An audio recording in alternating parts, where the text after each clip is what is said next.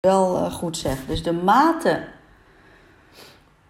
van zelfredzaamheid, hè, hoe iemand zelf proactief kan reageren op uh, de gedragsverandering.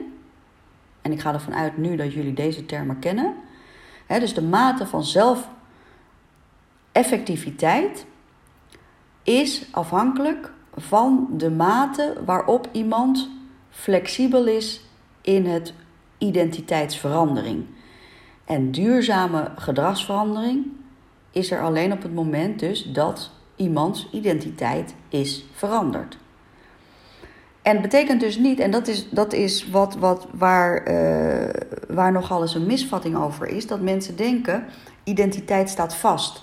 Hè? Mensen gaan heel vaak hebben het idee dat als je iets bent, als je jezelf gevormd hebt, dat dat vaststaat. Hè? Ik ben nu eenmaal dit, ik ben nu eenmaal dik, ik ben nu eenmaal een Burgondiër. Uh, ik heb nu eenmaal een vervelende jeugd gehad en daarom ben ik nu geworden zoals ik ben, weet je wel?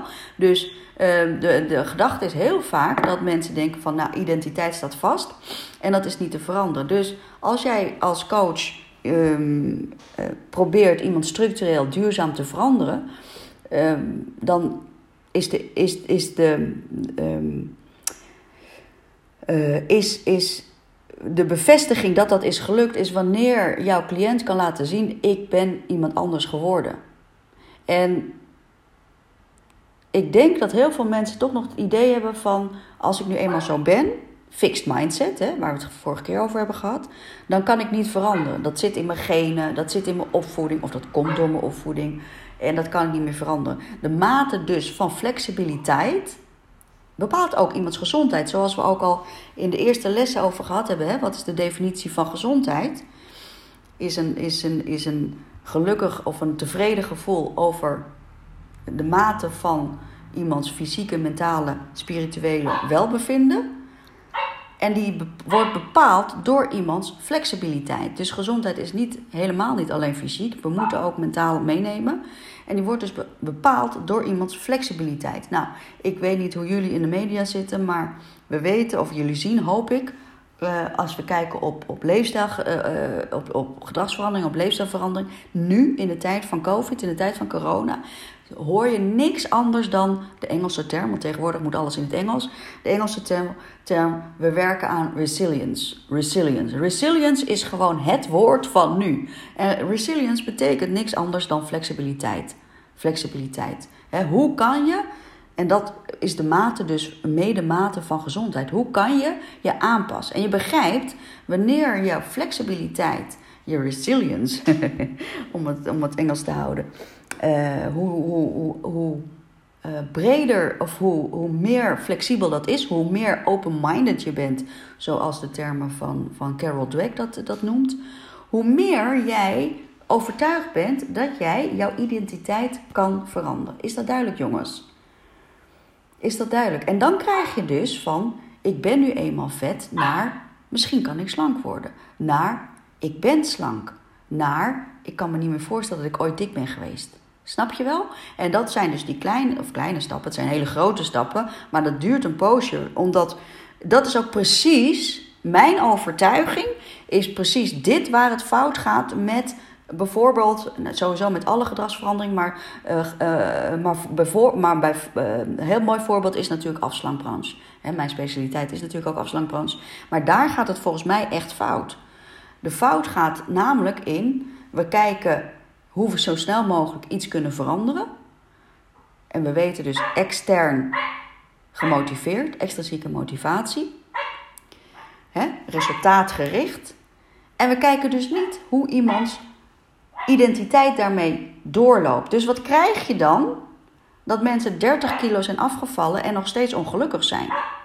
Weet je wel? En iedereen heeft daar vast voorbeelden uh, in zijn omgeving. Dat je denkt van, nou, als ik nu eenmaal dit aanpak, dan ben ik gelukkig. Als ik 20 kilo ben afgevallen, dan ben ik echt gelukkig. Als ik, uh, als ik stop met roken, dan pas kan ik een marathon lopen. Als ik, weet je wel, dus al die, die dingen, dus resultaatgericht, Wat, waarbij dus de identiteit niet wordt meegenomen, omdat mensen niet flexibel zijn. Heel veel mensen, moet ik zeggen, niet alle mensen, maar heel veel mensen niet flexibel zijn in hun resilience, in hun flexibiliteit, met de overtuiging dat ik ben nu eenmaal zo.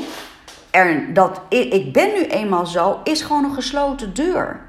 Weet je wel? Dus als jij als coach te maken krijgt met een cliënt en je komt dus in een intakegesprek er al achter dat die cliënt constant zegt: Ja, ik ben nu helemaal zo, ja, ik kan er niks aan doen. Ja, mijn moeder, zus, mijn vader zo, mijn opa was ook al dik enzovoort. Mijn oma is, uh, is 100 geworden met elke dag een borreltje op. En ik ben nu eenmaal zo, ik kan niet veranderen. Ja, dan houdt het gewoon op, jongens. Of je moet denken van: Oké, ik ga eerst werken aan die flexibiliteit van de identiteit. Of je zegt, nou, het houdt gewoon hier op. Is dit duidelijk, jongens? En het is dus super essentieel dat je dit met je cliënten gaat bespreken. Dat uh, identiteitsverandering is de bepalende factor. En dan moet je dus ook vragen aan je cliënt: wil je dat wel? Sta je er open voor? Want identiteitsverandering is altijd ook de hele context daaromheen. Omgeving, sociaal, vrije tijdsbesteding, alles is wat er omheen is, heeft, gaat in die verandering mee. Dus daarom is precies de reden, nogmaals, iemand die 30 kilo afvalt met, met, met, met een, nul, eh, met een, met een uh, laag energetisch dieet, prima. Maar als die niet meegroeit in die identiteitsverandering, blijft die identiteit daar hangen bij een dik lijf. En dus het gevolg is dat mensen gewoon weer aankomen. Dat is exact gewoon de reden waarom dat jojoen in stand blijft. Omdat mensen niet, heel veel mensen het ook niet aan willen gaan om echt te veranderen. Want echt veranderen, dat is, daar is gewoon ontzettend veel moed voor nodig. Daar is ontzettend veel energie voor nodig. En ja, dus, dus identiteit nogmaals jongens, is de overtuiging die iemand van zichzelf heeft. Zo, moeten we identiteit maar benoemen. De overtuiging die iemand van zichzelf heeft. En kunnen we nou in relatie met de leefstijlcoach, kunnen we dan die identiteit gaan veranderen?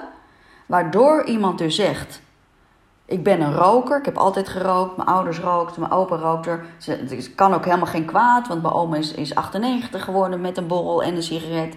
Dus uh, uh, uh, ik heb nu eenmaal gewoon goede longen. Weet je wel. Ik ben nu eenmaal zo. Ik ben een roker. Ik heb goede longen. Dat zijn hele vaste termen natuurlijk. En als je dan dat wilt doorbreken. Dan moet je eerst maar eens even doorbreken van... Ja, hallo. Wat doe je hier? Waarom wil je, waarom wil je dan stoppen met roken? Als je zo overtuigd bent dat het niet gaat, weet je wel. Dus begrijp dat je dus als coach dan eerst die waarom-vraag gaat stellen. En dan gaat vragen, ja, als je dus die waarom-vraag hebt beantwoord, dan weer opnieuw vragen, wil je het nog wel? Weet je wel? Want nu weten we ongeveer waarom je het wilt. We weten waarom je wilt. We gaan kijken naar wat je ervoor moet doen. En dan gaan we nog een keer vragen, wil je wel die nieuwe identiteit gaan aanmeten? Wil je wel veranderen? Wil je wel een ander persoon worden, of in ieder geval een rol van jouw persoonlijkheid veranderen. Want nogmaals, het is een rol die je gaat veranderen. Iemand is niet dik of iemand is, heeft, is niet vet. Nee, iemand heeft vet en dat is een rol, namelijk het fysieke gedeelte van iemands totale identiteit. Is het duidelijk, jongens? Dus identiteit omschrijf het als een overtuiging die, je, die iemand van zichzelf heeft gezondheid, gedragsverandering, duurzame, duurzame gedragsverandering vindt plaats op het moment dat wij uh, de identiteit kunnen gaan veranderen in samenwerking natuurlijk, altijd in samenwerking, shared model natuurlijk, in samenwerking met onze coachie.